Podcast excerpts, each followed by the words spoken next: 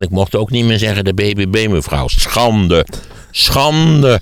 Hooghartige klootzak. hè? Zeker een kaagvriend, hè? Zeker een kaagvriend. De schoft. Hij weet het wel. Hij heeft zijn eigen zuster vermoord met die vaccinaties. Het verlossen, kunt u mij horen?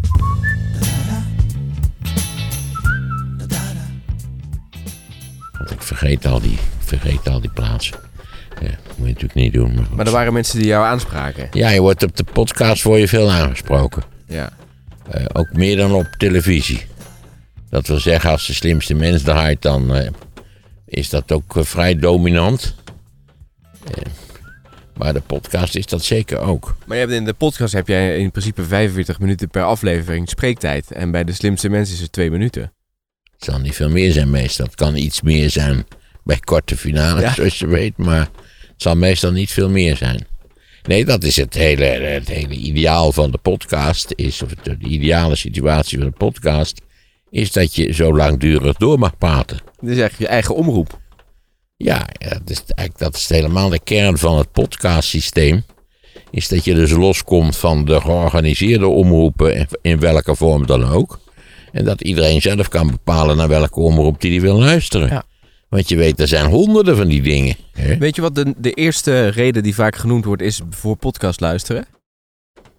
Ik heb geen idee dat ze zeggen ja, dat ze in slaap graag willen komen. dat is bij ons zo. De educatie wordt als eerste reden genoemd. Oh. Nog voor vermaak en, en misdaad en nou noem het maar op. Mensen willen iets leren. Ja, dat, dat, ik, ik vind dat eh, zeer toejuichenswaardig. Dat spreekt voor zich.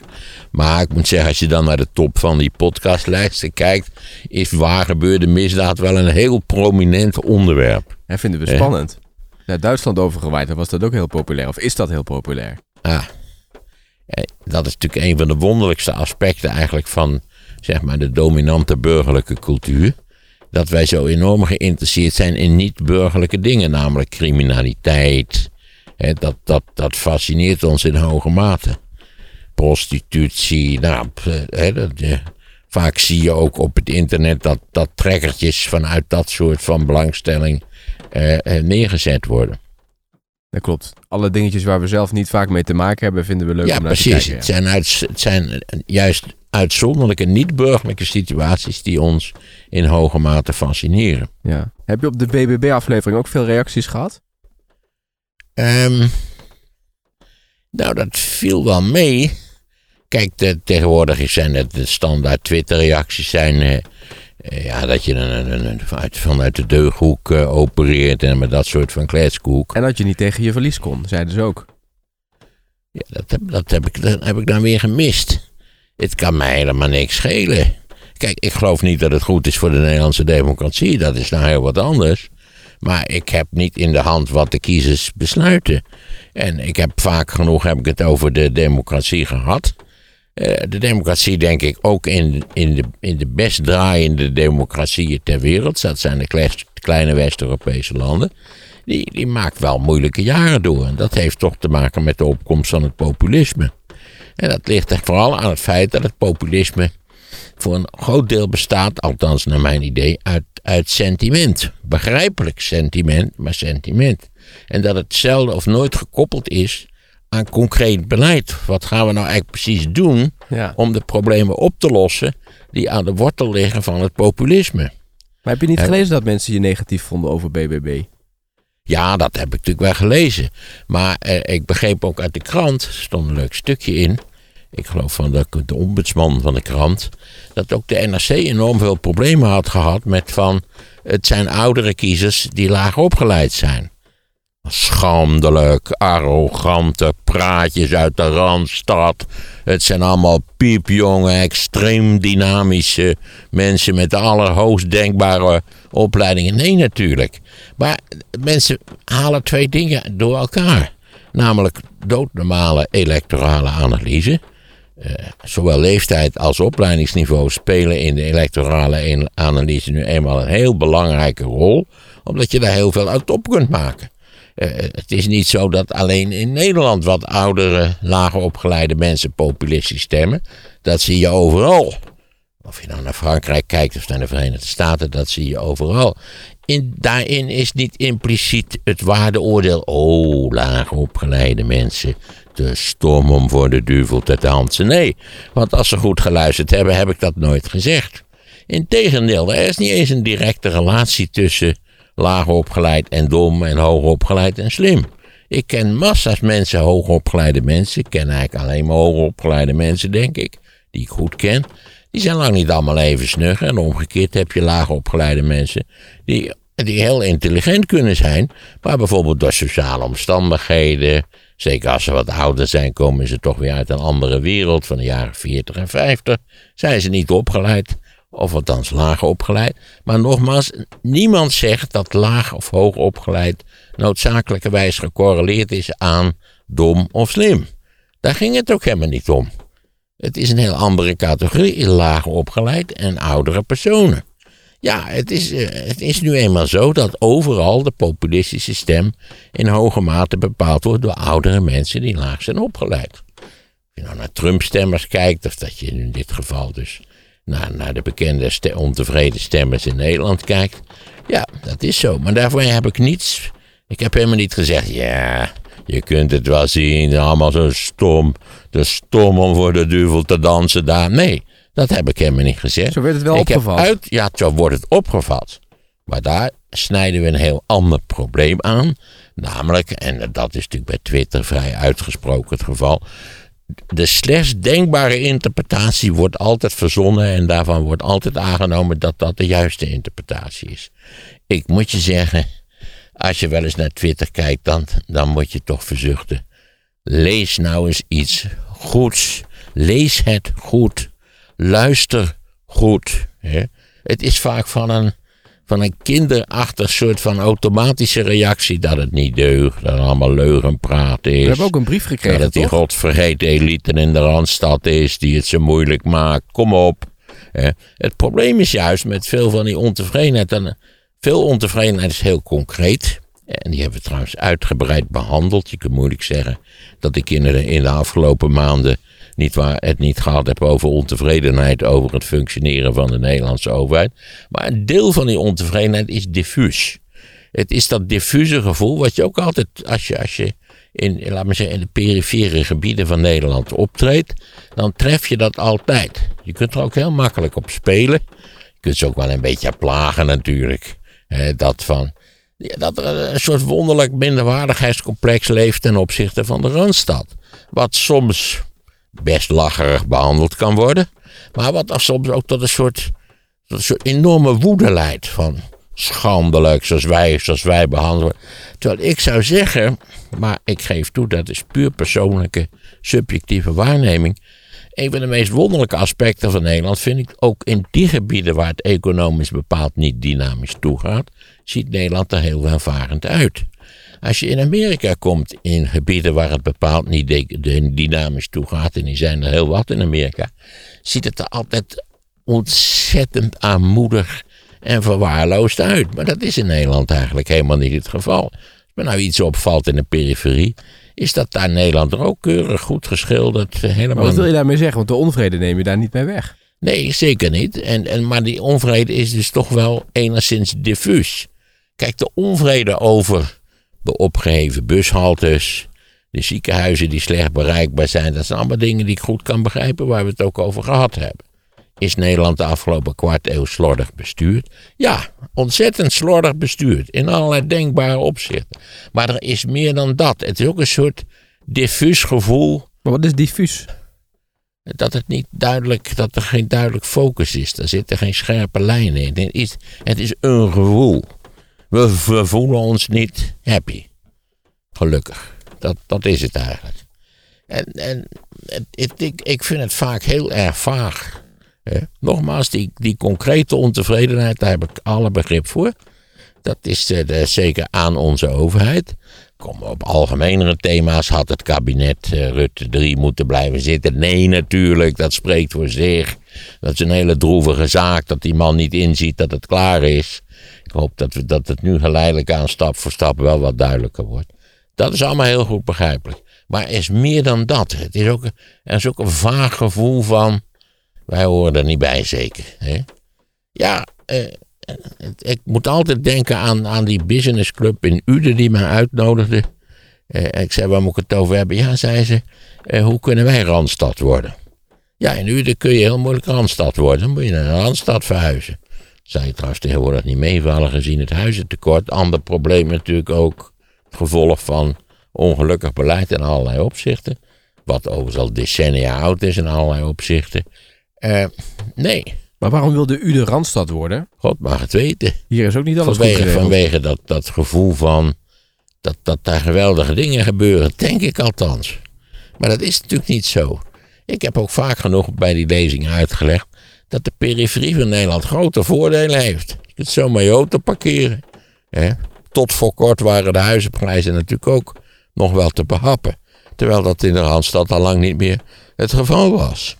Dus dat, het, het- is een lastige zaak. Maar terugkerend naar eh, die kwalificaties over die, eh, over die mensen die op de eh, BBB hadden gestemd. Ja, dat, dat is, eh, nogmaals, daar is helemaal met laag opgeleid. Dat betekent, is niet een soort geheim woord voor Domreken. te stom om voor de duivel te dansen allemaal. Zeg maar rustig, dames en heren, na Amersfoort, houd het gewoon op. Dan beginnen de kaninevaten en dan is het wel klaar. Nee, dat, nee natuurlijk. Want ook de krant begreep. Ik had woedende brieven ontvangen. Van ja, dat is schandelijk. Maar het, het- uit statistiek, uit, uit onderzoek blijkt dat het oudere mensen zijn die laag op zijn geleid. Ja, maar het klinkt Nogmaals, dat is overal zo. Ja, er was ook één elementje dan dat je zegt, ja, je laag opgeleid, dat moet je niet meer gebruiken. Praktisch opgeleid is dat. Ja, goed, dat is de bekende symboolpraat. Hè, dat al die woorden die we dus niet meer mogen gebruiken. En dan onttreedt tenslotte weer slijtage op. Want als je dan zegt praktisch opgeleid. Oh, zeker te stom. Kon alleen maar hameren en spijkeren. Zo dat werk. Nee, dat is een beetje, ja. Dat, dat is ook een vorm van taalverloedering naar mijn idee. Ze zijn gewoon laag opgeleid, ja. Betekent dat dat ze stom zijn? Nee, dat betekent het helemaal niet. Heb ik ook totaal niet gezegd. Nee, dat was wat mensen. Luistert u nu eens gewoon, normaal, goed luisteren. Ik geef het toe, het is een van de moeilijkste dingen die er zijn. Het geldt ook voor lezen. Lees nauwkeurig wat er staat. En, en eh, doe, hou op met hinein interpreteren, nietwaar, vanuit uw vaak nogal bozige, verontwaardigde wereldbeeld. Maar er kwam natuurlijk nog bij dat dit werd uitgesproken door iemand met een politieke kleur. Moet ik het openmaken, Ja, blikje? als je wil. Je hebt natuurlijk een, een PvdA D66 kleur en dat haalden mensen er ook bij. Joh, ook dat is wat. Het is zo'n vuile D66 stemmen. Ik heb honderd keer uitgelegd hier zittende dat ik uit strategische overwegingen de vorige keer bij de Tweede Kamerverkiezingen D66 heb gestemd. Ik heb al meerdere malen uitgelegd dat ik tegenwoordig een zwevende kiezer ben en het enigszins afhankelijk laat zijn van de omstandigheden. Hou dan op met dit soort van kletspraat. Hè? Zeker een kaagvriend, hè? Zeker een kaagvriend. De schoft. Hij weet het wel. Hij heeft zijn eigen zuster vermoord met die vaccinaties. Ja, dat las ik ook. Dat je echt denkt, ik bedoel, hoe, hoe ver kan de, de waanzin klotsen op Twitter? Ik hoop echt dat Elon Musk Twitter naar de bliksem helpt. We hadden natuurlijk ook kunnen zeggen, hey Caroline, gefeliciteerd, goede uitslag, knap gedaan, dat is ook democratie. Dat hebben we ook, hebben we het ook over gehad. Jij vroeg nog wat heeft ze goed gedaan. Heb ik haar fijn uitgelegd wat ze goed gedaan had.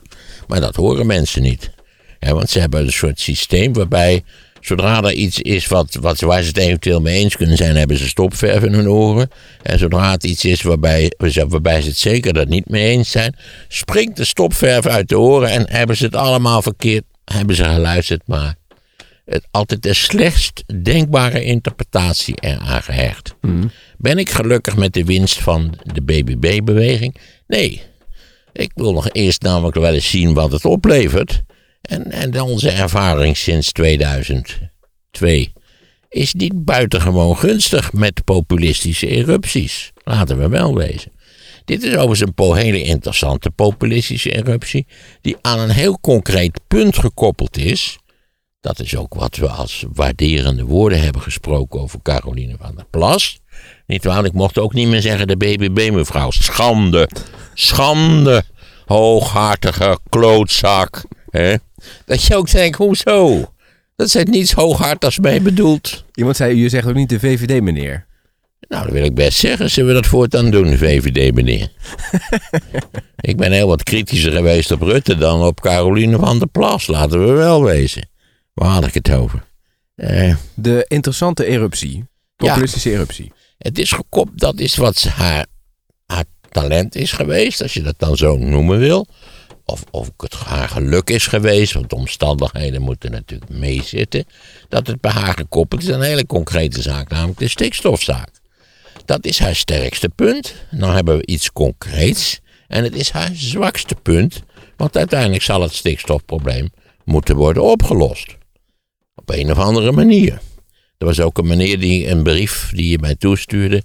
Die, die van Rossum, die weet van niks. Die moet eens kijken naar die, naar die meneer De Vries in Wageningen. Dat heb ik gedaan. Wie is meneer De Vries en Wageningen? Ja, dat is een hoogleraar in de stikstofproblematiek, als ik het allemaal goed begrepen heb. Dus ik heb daarnaar gekeken. Waarom die briefschrijver mij daarop attendeert, dat begrijp ik niet goed. Want meneer De Vries is nogal alarmistisch in allerlei opzichten. Dus dat die, die, ook die kritische depositieregels, die mogen absoluut niet van tafel af. In Brabant zijn dramatische gebieden waar onmiddellijk iets aan gedaan moet worden. Dat je denkt, zou die briefschrijver, die briefschrijver eigenlijk goed gelezen hebben wat zijn held meneer De Vries gezegd heeft? Meneer De Vries heeft wel gezegd dat het de deadline er niet veel toe doet. 2030, 2035, 2033, dat maakt. Over de deadline heb ik niets gezegd. Ik heb alleen maar. Denk ik dat het veel uitmaakt of het het ene jaar of het andere jaar is? Nee, dat denk ik niet. Wat hebben we gezegd over de waarschijnlijke gevolgen van deze electorale eruptie? Namelijk dat er schroefjes aan het stikstofprobleem ongetwijfeld zodanig gedraaid worden dat op een reeks van terreinen concessies kunnen worden gedaan aan dit nieuwe electorale verschijnsel. Dat betekent helemaal niet dat we nu zeggen, ah, die stikstof. Dat is eigenlijk ah, schromelijk overdreven onzin allemaal. Dat zegt nee. de BBB ook niet, hè? Nee, nee, nee, nou, goed zo. Dat is ook, hier geldt ook nu. Als de BBB-beweging, nietwaar, een, een factor van belang wil blijven in de Nederlandse politiek. En niet op dezelfde wijze wil verrafelen, aftakelen en, en laten we zeggen, het struikgewas wil verdwijnen. Zoals eh, de vorige electorale erupties. Want laten we wel wezen. eh, ja, Geert is een blijvertje gebleken. Maar wat hebben we aan Geert? Niks. Hij moet toch zelf ook s'nachts wanhopig wakker worden en denken: hoe lang moet ik dit nog doen, dit klote werk? Ja, mijn invloed is nul. Ja, hij heeft een electoraat wat, wat, waar hij redelijk op kan rekenen, hoewel hij ook fors verloren had aan de BBB-beweging. Maar eh, als zij een blijvertje willen zijn, dan is dat als je het politieke systeem in wil groeien, zul je bereid moeten zijn om compromissen te sluiten. Eh, De hele Nederlandse politiek is in essentie een systeem waarbij mensen die het niet met elkaar eens zijn, compromissen sluiten. Om tenslotte toch tot enig serieus en nuttig beleid te kunnen komen. Dat dat beleid in de werkelijkheid de afgelopen twintig jaar vaak niet erg nuttig is geweest, daarover hebben we het uitgebreid gehad. Een mooi voorbeeld is nu eh, Brabant, hè, waar ze aan het onderhandelen zijn. Waar de VVD graag wil dat die eh, vloeren in die stallen dat die dicht wordt, hè, zodat die gassen niet kunnen ontsnappen. En de BBB zegt, nou dat moeten we niet meteen doen. Laat die, die vloer lekker liggen en open. Nou, ik begreep sowieso dat de meeste van die maatregelen, ja, ook dat wassen en zo, dat dat eigenlijk niet zo verschrikkelijk veel oplevert. Hm. Maar, daar Maar zie ik, je, heb daar, ik heb daar geen verstand van. maar hier zie je dus dat er een compromis gesloten moet worden. Want BBB is ook in Brabant de grootste. VVD daarna is wel nodig voor de meerderheid. Maar moeten ze het wel eens worden. Ja, zo is het. Nou goed, ze kunnen ook ik, helemaal ik over... neem aan dat de VVD in Brabant niet alles weg wil geven. Die zullen misschien een stap verder willen gaan dan het kabinet. Maar ja, daar zit ook nog een kabinet. Nu is ineens de algemene opvatting dat het er niet lang zal zitten. Dat weet ik nog niet zo net eerlijk gezegd. Je zou wel gek zijn als je nu Tweede Kamerverkiezingen zou beginnen. Zou ik denken bij mezelf. Ja, maar ja, D66 heeft wel heel duidelijk gezegd 2030, daar houden we aan Net vast. zo goed als alle anderen zal ook D66 bepaalde concessies moeten doen. Maar ze denken natuurlijk ook wel aan de volgende verkiezing. Als ze dat nu doen, worden ze dan falikant afgerekend daarop. Ik heb geen flauw idee. Want de stemmers op D66 zijn het hiermee eens. Die zeggen 2030. Zo, liefst nog eerder. Er zijn ook milieupartijen die Maar ja, nee, dat lijkt mij dan weer heel onverstandig om je daarop vast te leggen. Ja, iedereen voelt aan zijn water of het nou 2032 is of 2035. of 2029, dat doet er allemaal niet veel toe. Het is een probleem wat opgelost moet worden. Waarvoor wij, we weten trouwens vrij redelijk hoe we het moeten oplossen. Hmm. De NRC had een heel, eh, heel onderzoek van, van eh, eh, supervervuilers in, in, aan, de, aan de randen van Natura 2000 gebieden. Nou, daar word je niet vrolijk van. De meeste van die lui waren helemaal niet van plan om zich uit te laten kopen. Rijst aan de horizon nu toch weer het, het, de euveldaad van de gedwongen uitkoop. Maar je de angel er eigenlijk dus een beetje uit door te zeggen, nou D66 ziet zo meteen ook wel in dat of het nou 2030 of 31 is, als het er maar komt. Kijk, waar we nu aan bezig zijn, is de fase van het. eh, de, de verkenners zijn bezig in het land. We zijn nu bezig aan, aan het formuleren van waar, onze, waar het, het compromis ligt. Dus dan ga je niet meteen, met- als D66 zeggen, ja, kan ons eigenlijk ook een bal schelen wanneer het is. Nee, die willen natuurlijk zoals de, huid eh, van de beer eh, duur verkopen. Dat begrijp je wel. Maar ik neem aan dat het tenslotte zal er een compromis moeten worden gevonden. Ja, je hebt ook die fantastische ja, waarom hebben we het eigenlijk in Nederland altijd over stikstof? We hebben de rest van Europa hebben het helemaal niet over stikstof. Nee, dat klopt. Wij zijn namelijk een piepklein land, wat de tweede voedselexporteur ter wereld is. Misschien is daar, bestaat daar een relatie. eh, Nou. En iedereen weet, ja, dat is ook waar, dat het beleid van de overheid ter zake natuurlijk eh, een rommeltje is. Onzeker, vaag. Ja, dat is heel ongelukkig. En er is een link Maar met... dat sluit aan bij een ander probleem. Namelijk het ontzettend slordige beheer van Nederland door onze eigen overheid in de afgelopen twee decennia. En er is een link met het bouwen, hè? want eh er kan nu niet gebouwd worden. Nee, en dan moeten we, moeten, wat is het, een miljoen huizen gaan bouwen. Dus het hangt eigenlijk wel met veel facetten hangt het samen. Ja, laten we zeggen, het hangt met één zeer dominant facet samen. Namelijk dat Nederland een piepklein land is. Waar, als alles eh, gaat zoals het voorspeld is. Ik meen dit jaar of volgend jaar 18 miljoen mensen wonen. Je kunt ook zeggen, God en België hebben ze allerlei problemen niet. Nee, dat klopt. België heeft zijn bevolking niet verdubbeld in de afgelopen 70 jaar. Dat hebben wij wel gedaan. Je hoort al op Twitter. Weet u hoe dat komt, meneer Van Rossum? Eh, ze staan aan de grenzen te trappelen. Dat zijn allemaal broodrovers. Dat zijn, nou, hè? dit werkt. Nee, dat hebben we vooral te danken aan een uniek hoog geboortecijfer tussen 1946 en 1966. Is dat zo? Jazeker, wij, waren volstrekt unieke demografische Ja, uitzondering. dat heb je al eerder verteld. Maar er komen natuurlijk ook best wel veel mensen hier. Tuurlijk, er zijn ook immigranten, zonder meer. Nou ja, kijk, als Europa het zou moeten hebben in de komende halve eeuw van zijn, van zijn eigen bevolking, die krimpt in een vrij hoog tempo. Ja, maar dan geldt het dus ook voor Nederland. Dus dan komt het toch ook In Oost-Europa is het nog helemaal beangstigend hoe snel het daar. Wat ze altijd net doen alsof ze niks voor eh, Daar werken dan die Oekraïners, die gaan allemaal in Oost-Europa werken. Het schuift steeds een land op, hè? Precies, het is een soort schuifsysteem. Ja. Hè? Ja. De Polen komen hier naartoe, ja. In Polen, land niet waar, waar de voortplanting miserabel klein is, eh, komen dan dus mensen uit, uit- vanuit het oosten om daar die, die werkplaatsen over te nemen. Dus er moet uiteindelijk een land zijn, of landen, waar, waar mensen massaal wegtrekken. Wat leeg achterblijft. Ja, dat klopt. Oekraïne is zo'n land. Rusland is zo'n land. Ja, goed, er spelen andere omstandigheden natuurlijk nu. Die spelen mee, maar de, eh, Oekraïne was al voor dit drama, was Oekraïne een land wat, waar het demografisch echt vrij dramatisch slecht ging. Ja, Er is niks nieuws onder de zon op dat punt. ja, maar, dan, Vrijwel alle Oost-Europese landen hebben te maken met negatieve bevolkingsgroei. ja, maar dan klopt jouw stelling toch niet hier in Nederland dat het komt door de eigen bevolking. De immigranten spelen toch een grote rol. De eerste versnelling van dit proces, nogmaals, we hadden in 1945 9 miljoen inwoners. We gaan nu naar de 18 miljoen. We hebben tussen 1946 en de late jaren 60, daarna houdt het ook grotendeels op, hebben wij ons voortgeplant. Nou ja, laat ik het voor de aardigheid maar zeggen als de konijnen. Tot verbazing van velen. Mensen begrepen het. van Ierland en de Verenigde Staten hebben ook een, een babyboom gehad. Maar bij ons was het wel vrij indrukwekkend, ja. Maar wat zou dan jouw oproep zijn? Grenzen dicht dus niet. Maar wil je dan net als in eh, China een één kind Grenzen politiek? dicht en muren bouwen. Dat is nu ook weer veel kwestie van muren bouwen. Dat werkt dus niet. Vooral omdat ja, je, je kunt altijd naar een land toe. Als je dat per se wil, dan kun je er altijd naartoe. Ja, er zijn natuurlijk in de loop der jaren En ze is overal geprobeerd om, om onwenselijke immigratie te stoppen. En altijd blijkt dat dat eigenlijk een vrij ondoenlijke zaak is. En dat immigratie vooral gerelateerd is aan natuurlijk om uh, ellendige situaties in het omringende gebied. A. En B. aan de economische conjunctuur. Als je kijkt naar immigratie in Nederland. Laten we zeggen, nou, in de, in de, de, de ruim twee decennia van de nieuwe eeuw. Dan zie je ook dat het een beetje een golfbeweging is. Gaat het heel slecht in West-Europa, dan houdt ook die, die immigratie houdt op. Soms wordt die zelfs negatief.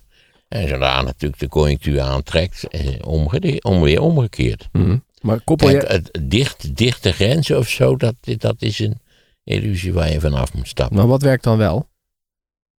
Nou, wat werkt is dat je georganiseerd immigratiebeleid hebt.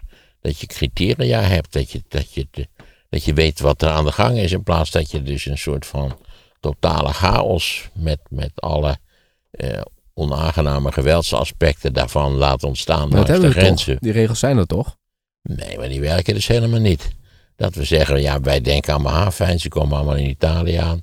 Laten die stomme klote Italianen het maar oplossen en hebben wij er geen last van. Nee, waarom is, is Rutte natuurlijk naar Italië afgereisd om met mevrouw Meloni te spreken? Om dit soort van redenen.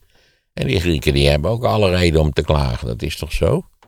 Het is een beetje, hè, als je maar niet kijkt, als je maar een andere kant op kijkt, dan is het er niet. Nee, het idee dat je West-Europa op een of andere manier zou kunnen afsluiten met muren of zo. Nee, dat, dat, dat zit er niet in. Nee. Of je moet bereid zijn tot moord op grote schaal. Dat zou misschien iets anders zijn. Nogmaals een keer terug naar het kernprobleem van Nederland. Dat namelijk dat we ontzettend veel mensen hebben op een relatief kleine oppervlakte. Het kan overigens nog veel erger. En dat, dat heeft ook. De, waarom is ook de Nederlandse uh, denk economie succesvol? Omdat er, omdat er zeker in de randstand ontzettend veel mensen op een relatief kleine oppervlakte. Eh, een, een, een, dynamisch leven leiden, laten we het zo maar economisch gesproken dan. Eh? Ik heb je toch dat voorbeeld gegeven van het gebied boven Hongkong. dat is ongeveer de helft van de omvang van Nederland. Daar wonen 62 miljoen mensen. En dat is het meest productieve gebied ter wereld. Mm. Nederland is eh, economisch gezien een enorm succes. Mm. Ja, maar economisch, qua economie eh, doen wij het prima. Ja. Sterker nog, we hebben de laagste jeugdwerkloosheid van Europa. We hebben een hele lage werkloosheid. Eh, dat is allemaal geweldig. Dat betreft, eh, alleen laten we zeggen, het verzorgend apparaat, de, de sociale schil, of hoe je het precies beschrijven wil, eh, daar, daar is veel mee mis. En dat is nogmaals onze, onze, eh, de eigen schuld van de regeringen die wij gehad hebben in de afgelopen kleine vier decennia. En dat kan anders en beter. We hebben het geld ervoor. Om dan te gaan roepen, alle belastingen moeten omlaag. Hè. Allemaal, kan niet schelen wat, allemaal omlaag. Dat is het VVD-gevoel. Schippers in de bocht. Wat zou je advies zijn voor die partijen die nu met elkaar gaan praten? Om te kijken, hoe, eh, wat is ons standpunt? Hoe gaan we door?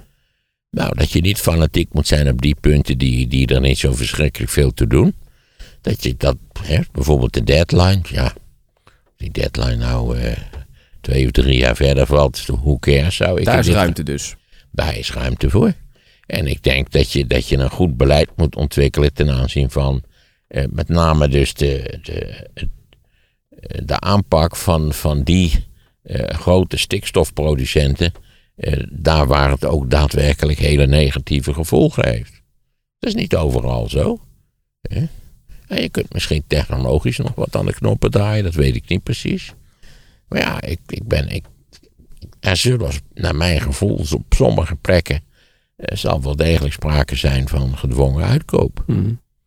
Biedt die mensen dan een perspectief? Want dat is natuurlijk het probleem. Dat de overheid zelf, zoals gewoonlijk, weer allerlei vaagheid en uitstel. En eh, jarenlang gedacht, als je nou maar een boompje plant, en dan kwam het allemaal in orde. En nou, ja, ook aan die boeren is veel te weinig perspectief geboden. En te weinig zekerheid. Hè? Dat je als boer denkt, ja, hoe gaat dat dan?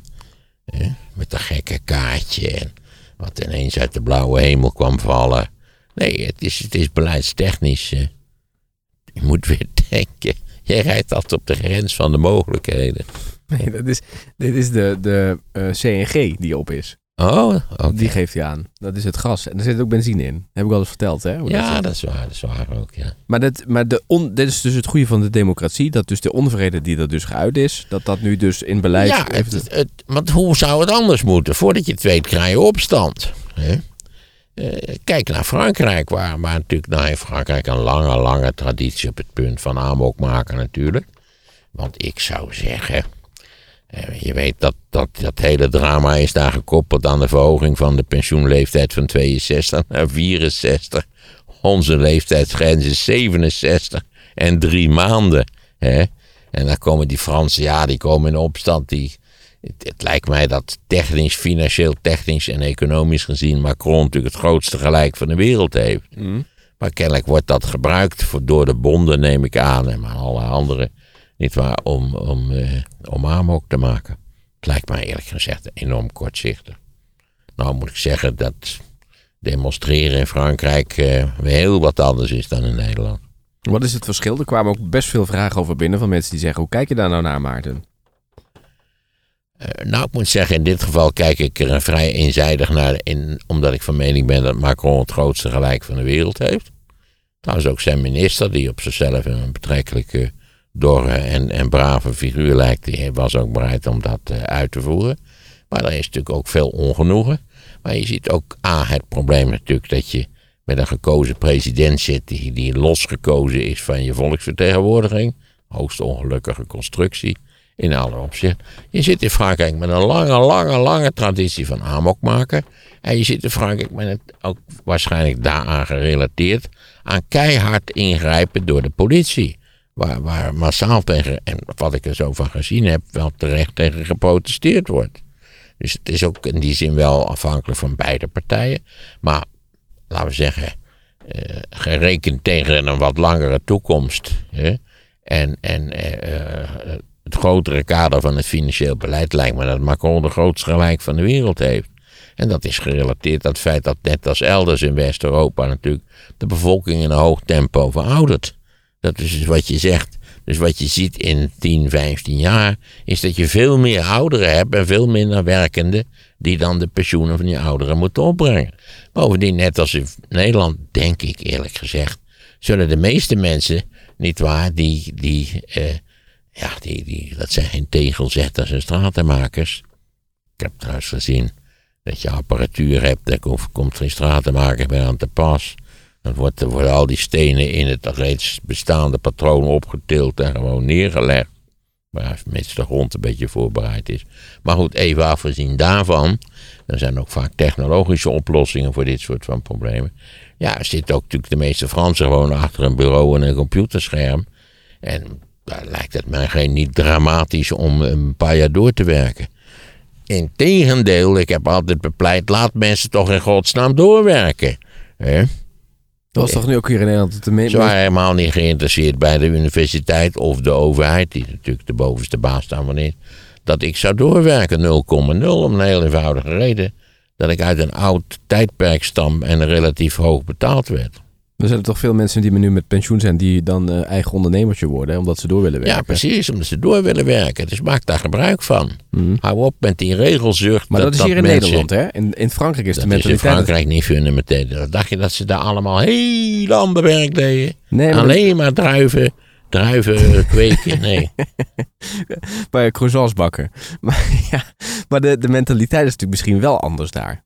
Nou, punt van amok maken is de mentaliteit een stuk anders in Frankrijk, ja. Frankrijk is natuurlijk een land van stakingen en betogingen. Maar wij zullen denken, we maken ze lange, zich lange druk traditie. Want wat, is, wat wordt het nu de pensioenleeftijd na de plannen van Macron? Waar gaat het naartoe? 64, En het was 63. 62. 62. Ja, dan zou je zeggen, we maken zich druk om. Ja, Ja, dat zou je inderdaad zeggen. Vanuit ons maken- perspectief natuurlijk. En, en dat stond, ik ben nou vergeten waar dat eigenlijk de meeste van die lui ook wel weten. Dat, dat, het, dat het volstrekt onredelijk is om op, voor dit soort van zaken zo. Maar dat, nou, ook vaag ongenoegen. Macron, arrogante flikker. Nou, hij had het Ja. er doorgedrukt, hè? dat was natuurlijk de grote kritiek. Ja, want anders had, hij het er niet, anders had hij het er niet doorgekregen. Omdat hij de stemmen niet had, ondanks het feit. Terwijl tal van mensen die er eigenlijk voor zijn ook tegen zouden willen gaan stemmen, begreep ik. Ik volg Frankrijk niet op de voet. nee. Ik kan het aan Philip vragen als je wil. Nou, dat is wel interessant. Maar het kwam er dus eigenlijk op neer van hij vond dat dit nodig was, belangrijk was, dus hij heeft het erdoor gedrukt. Ik denk dat hij het grootste gelijk van de wereld heeft. Ja, maar dan Of hij het juist heeft aangepakt, God mag het weten. Maar het idee natuurlijk dat je een pensioenregeling hebt waar mensen op hun 62 met pensioen gaan, sorry hoor. Dat is natuurlijk in de, in de demografische en economische omstandigheden gekke werk. en niet meer vol te houden op termijn, wat je al terecht zegt. Precies. Ja. Maar dan zijn de tegenstanders die zeggen, ja, dit is geen democratie. Hier hebben we ons niet over kunnen uitspreken. Dit is wel democratie. Als hij het door kan drukken. Ik begreep dat dat nu wordt gesuggereerd. Dat is voor het eerst sinds Karel de Grote dat dit gebeurt. Nee, soort van dictator. ik begreep dat het heel normaal was dat presidenten op die manier bepaalde maatregelen door te zetten. Hmm. Als de, als de, nogmaals, leer daarvan. Kies je president niet onafhankelijk van je volksvertegenwoordiging.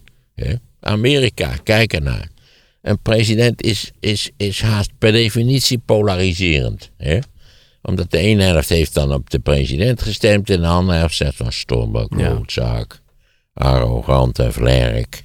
Hè, hij luistert niet naar ons. Dat niet luisteren is in Frankrijk denk ik nog een veel groter ding dan bij ons. Omdat natuurlijk in Frankrijk een, een niet onaanzienlijk deel van het platteland of bijna platteland, en dat hele Frankrijk van die kleine steden, natuurlijk door de eh, eh, macro-economische ontwikkelingen inderdaad natuurlijk wel een beetje in de hoek staat waar de klappen vallen. Maar we kwamen er dus op dat jij zegt, je moet de signalen vanuit de bevolking, die moet je serieus nemen en ook omzetten in beleid. Zolang je, zolang je met een democratie zit, Ja. eh, doet die democratie, laten we zeggen, doet, de- doen de kiezers altijd wat Maarten van Rossum eh, de, best, de beste oplossing vindt? Nee. Maar we zitten ook met het probleem dat eh, doet onze overheid, de, de Nederland zittende Nederlandse regering, in de afgelopen decennia altijd wat Maarten van Rossum vindt? Nee. Jammer genoeg niet, zou ik zeggen. Dus ja, ik begrijp wel iets van de kiezers, maar ik vind de kiezers ook. Ik, ik vind die hele boosheid en zo, daar, daar zie ik niet zo verschrikkelijk veel in. Maar hoe kan het CDA... Kijk, dat je verontwaardigd bent, oké. Maar je zult uiteindelijk in een democratisch systeem met elkaar af moeten. Of je moet gewoon afschaffen. Ja. Je moet gewoon zeggen, ja, nou wel wezen. Die lager opgeleide hoeven helemaal niet te stemmen. En Nee, dat is natuurlijk, dat is steeds het probleem van de democratie. Dat je, dat, dat, er is een omvangrijk onderzoek gedaan naar de vraag: wat meten mensen eigenlijk van datgene waar ze over stemmen? Dat blijkt schokkend weinig te zijn. Overigens niet, helemaal niet alleen bij laag opgeleiden, maar bij hoger opgeleide idem dito. Ik ken eh, massa's mensen waar die ik niet eh, zou vertrouwen als ze een korte schets zouden moeten geven van de werkzaamheden van de Nederlandse parlementaire democratie, eerlijk gezegd. Laat staan wat de waterschappen doen. Ja, we laten de waterschappen, precies. Provinciale staten toekoer. Hè? Wat doen die eigenlijk? Ja, ze zijn er, maar... Nou, Ruimtelijke inrichting hebben we altijd geleerd. nou ja, je kunt je sowieso afvragen of we niet tegen de grenzen aanlopen van, de, van het huidige Eerste en Tweede Kamersysteem en de getrapte verkiezingen die er voor de Eerste Kamer worden gehouden. Hm. Dus je moet eens kijken of je dat niet. Kijk, al dat soort van veranderingen maken grondwettelijke veranderingen noodzakelijk. En dat is natuurlijk een lang en complex proces. Terecht ook wel een beetje, maar dat is een lang en complex proces. Ja. Waar ik je nog niet over heb gehoord, wat natuurlijk hier wel een rol in speelt, dat zijn de belangen van bijvoorbeeld een CDA die toch wel weer de weg omhoog willen vinden. Dus die moet iets met Ja, de weg omhoog. Ja, dat ik moet zeggen dat ze nu ergens aan de, aan de steile wand hangen. Hè? Je hoort ook weer de. Matterhorn of de, de, de- Je hebt al van die mensen die op hun, op hun jasje zo'n soort van eh, de noordwand van de Eiger. Hè? Zo is het toch? Hm. Volgens mij hangt ook, ook het, het CDA hangt halverwege de, de noordwand van de Eiger. Het touw is op. Ze hebben geen flauw idee. Ze kunnen niet naar beneden. Ze kunnen niet naar boven. Eh, Nou, ik heb geen wel. idee. Ze hebben natuurlijk in allerlei opzichten de boot gemist. Dat zijn problemen die, die het CDA grotendeels zelf gecreëerd heeft, naar mijn idee. Ze hebben natuurlijk een enorme klap gehad in 2010 was dat. Hè? Eh, en daarna hebben ze die wonderlijke koers ingezet van... we moeten nog rechtser worden dan de VVD. Dat is wat de huidige burgemeester van Leeuwarden een ontzettend leuk idee vond. Die heeft ook zo'n idiote lezing gehouden in de Rode Hoed. Je- moet je voor de aardigheid eens lezen. Je denkt, wat is dit nou? Kijk, het CDA ontleende natuurlijk zijn kracht aan het feit dat het een, een beweging was die zowel, eh, laten we zeggen, een linker als een rechterkant had. Dat was het geheim van het CDA. Vandaar dat, dat hoe heet je ook weer ooit kon zeggen: het is lood om oud ijzer. Wij kunnen met link over links regeren, wij kunnen over rechts regeren. Ja, echt een En toen, traditionele en toen hebben ze van zichzelf een enorm rechtse partij gemaakt. Eh, nou, die ook niet, nou niet adequaat heeft ingespeeld op de problemen die op het platteland leefden. Ja, het, is natuurlijk, het drama van regerende partijen is altijd dat ze, nou ja, dat ze de praktische problemen uit het, hoofd, uit het oog verliezen en dat ze eh, voor, de, voor de problemen gaan waarvoor de regering staat. De, de boze mensen die zouden zich ook moeten afvragen, eh, zijn er niet omstandigheden waar, waarin nou eenmaal geregeerd moet worden? Waar bepaalde dingen een rol spelen waar we niet omheen kunnen. Maar nu hebben ze gezegd, want ze zaten in Maars in dat, in dat restaurant langs de weg. Van, eh, nou ja, we moeten iets gaan doen, maar wat we moeten doen, dat weten we nog niet. Ja, dat, dat lijkt me een hele adequate samenvatting van de gebeurtenissen. En zolang ze dat niet weten, zal er aan die noordwand van die Aga niet veel veranderen. Dan hang je daar. Hè? Het schijnt dat die bergbeklimmers daar wel zo'n overnachting kunnen organiseren. Als ze de top niet gehaald hebben. Maar ze, zij moeten nu toch in wat ze gaan Ik doen. moet altijd denken aan die man die dus zonder enig hulpmiddel dat, dat ding daar in, in dat Californische park eh, beklommen heeft. maar Alleen met zijn blote handen. 1700 meter steil omhoog. Hoe heette die ook toch ook alweer? Ik zou het niet weten. Ik zou het niet weten. Maar je ziet het en dan denk je, hoe is dit mogelijk? Ik geloof dat hij het in twee uur gedaan heeft of zoiets idioots. Maar kan het CDA nu wel iets doen waardoor ze laten zien aan die boeren, we horen jullie. We, we gaan er iets mee doen. Nou ja, voorlopig zal dat weinig overtuigend werken. Ik denk ook dat veel, veel eh, heel lokaal kader gewoon overgelopen is naar de BBB-beweging, Ja. denk je niet? Maar die CDA-bestuurders zijn dat natuurlijk tal boos. van VVD'ers daarin een rol spelen. Ja, maar die, die CDA-bestuurders ook in die regio's die daar altijd gezeten hebben, die nu een baantje kwijtraken, die zijn natuurlijk in paniek en boos. Ja, die zijn in paniek en die, die zullen misschien zelf al hebben zitten. Ja, je kunt hoogst, die kunnen hoogstens zeggen, ja, de top van de partij heeft de bedoelingen van de partij eh, onduidelijk weergegeven of, of niet overtuigend. Ja, nogmaals, dat dit, dit aftakelingsproces is natuurlijk niet van vorige week Nee. en, en niet puur alleen aan, aan stikstof eh, georiënteerd. Dat loopt al langer dat dat niet goed loopt. En dat was natuurlijk, ja, vergeet niet, Balkenende acht jaar minister-president is geweest namens het CDA. En ja, toen een verpletterende nederlaag heeft geleden. En herstel je maar eens van een verpletterende nederlaag. Dat is natuurlijk de doodsangst waar die nu in de, in de VVD leeft. Hè? Ja, als we, als we stoppen. eh, Rutte is wel de, natuurlijk twaalf jaar of meer eh, minister-president geweest. Wat dan? Hè, vallen wij ook terug naar zo'n middenpartijachtige situatie. Dat je af en toe blij mag zijn als je meer dan 20 zetels hebt. En nu hebben ze er nog eh, 38, geloof ik. Ja, dus de antwoorden Kijk, hier... ja, dus de versnippering, dat is natuurlijk een ander eh, probleem. Die versnippering, daar worden we niet gelukkig van. En het is ook voor het bestuur is dat een, een hopeloze zaak. Iemand rekende uit hoe versnipperd het, eh, eh, die diverse provinciale vertegenwoordigingen zijn. Nou, dat is echt... Maar dan moet je dus een kiesdrempel even- dat is invoeren. even bluffend. Ja, ik ben altijd tegen een kiesdrempel geweest, maar, maar misschien wordt dat toch wel tijd, ja. Of dat je, nou ja, denkt dat het best. Kijk eens naar Duitsland, die hebben een mooi systeem. Hè, waarbij je en partijen hebt en individueel gekozen kunt worden. En hoe werkt dat dan? Heel ingewikkeld. Ja, maar moeten we dat wel willen dan? ik wil het best volgende keer uitleggen hoe het werkt. Maar het is heel ingewikkeld. Dan moet je het eerst even opzoeken. Nou, het werkt in Duitsland prima. Hmm. Maar ja, Duitsland heeft natuurlijk gewoon een soort eh, systeem opgelegd gekregen na de Tweede Wereldoorlog. Ook dat de Bundesländer zo machtig zijn. Wie heeft dat bedacht dan? Waren dat de, de, de, de externe partijen die daar toen de deels macht de had? bezetters natuurlijk. Ja, nee, de Russen dachten daar heel anders over. Maar die hebben natuurlijk in hun eigen bezetting soms ook wel een potje van gemaakt, laten we wel wezen. Maar ja, de kindercrashes waren goed in orde. Dat was soms een beetje het enige. Ja. Wil je nog iets eh, zeggen over brieven die over dit onderwerp zijn binnengekomen? Nou, ook daar zou ik zeggen, luister goed. Hè. Had je die man nog gezien? Hou die eens niet- op. Die man die niet meer ging luisteren, die het had opgezegd. Dat weet ik niet. Oh, dat is waar ook. Ja, wat had hij ook weer gezegd? De godvergeten... Nou ja, dat woord had hij geloof ik niet gebruikt.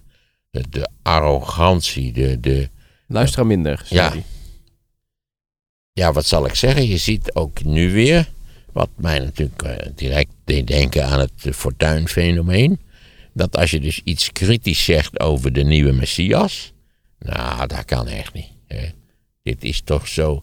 Mensen raken dan toch licht geobsedeerd door zo'n Messias. Ik gebruik het woord niet toevallig. Door, omdat ze het gevoel hebben dat die persoon ons kan redden uit de nood waarin wij geraakt zijn. dat, dat is eigenlijk het idee wat leeft. Ja, dat is een ingrijpende misvatting in een zo complexe democratie als de onze. Je zult op een of andere manier, als je die democratie niet wil afschaffen, zul je met al die andere partijen in overeen. Ik had geloof ik ook gezegd dat we schande, schande. Ja, meer dan driekwart van de kiezers heeft niet op de BBB-beweging gestemd. Ja, ik zeg, ik zeg dat nu. Je weet zeker, wat een klote streek om dat te zeggen. Hè? Alleen om ze kleiner te maken. Hè? Eigenlijk staat het hele volk pal achter Carolien van der Plas. Zo is het toevallig. Nee, dat is niet zo. Dat is heel vervelend, maar dat is niet zo. Dus je zult in een land waar driekwart iets anders heeft gestemd, zul je in goed onderling overleg tot een compromis moeten geraken. Ja. Als je dat niet wil, dan blijf je terzijde staan. Dat is het lot geweest van Geert. Dat levert ook weinig. Nou, natuurlijk de gekke partij, die, die is natuurlijk was stik, die heeft enorm verloren. Overigens, je denkt dat al die stemmen van de BBB-beweging van de Forum komen. Nee, ik begreep dat, dat maar een deel van de Forumstemmers daar naartoe is gegaan. En dat veel Forumstemmers kennelijk volledig gedesoriënteerd of teleurgesteld thuis zijn gebleven. Dus ja, nog maar kijkt u eens even naar de cijfers. Dat heeft allemaal niets te maken met hooghartigheid. We hadden die meneer het ook over ressentiment. En BBB-afkeer? Kijk, ik ben wel de laatste maar iemand die, die last heeft van ressentiment. Ook geen afkeer? Ik heb ook geen afkeer, nee. Ik moet je zeggen dat mijn enige confrontatie met Caroline van der Plas, wat mij betreft, een bijzonder ongelukkig licht wierp op haar gedrag.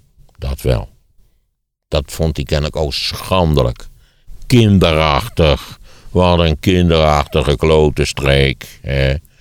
Je ziet toch dat zo'n mens die gaat toch het vaderland redden. Ja, ik moet zeggen, er zijn voor ook u tal van prachtige andere podcasts, vooral over eh, waar gebeurde misdaad. Misschien is dat iets voor u. Weet u hoe dat komt, meneer Van Rossum? Eh, ze staan aan de grenzen te trappelen. Heb je de live podcast over de oorlog in Oekraïne gemist? Vervolgens word je eigenlijk uitgemaakt voor een randebiel die niet wist wat er aan de hand was. En dat vond ik zeker in het geval natuurlijk van Arend Jan wel heel vreemd. Aangezien hij vrijwel nooit gelijk gehad heeft. De live podcast is nu terug te luisteren als luisterboek. Tegelijkertijd hoef je dan weer niet meteen niet sidderend wakker te schudden, omdat je ook hebt gehoord dat het Russische leger geen kloot voorstelt. En ook moeite zou hebben met Litouwen te bezetten. Geniet ruim twee uur lang van Maarten van Rossum op ouderwets studium generale niveau. De link naar het luisterboek staat in de show notes.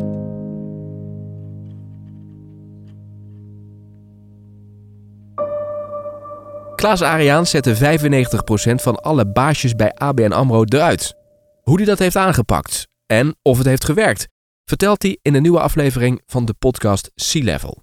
De link om te luisteren staat in de show notes. En wil je weten wat podcasting voor jou kan betekenen? Kijk dan op streamy.audio. Streamy met een Y.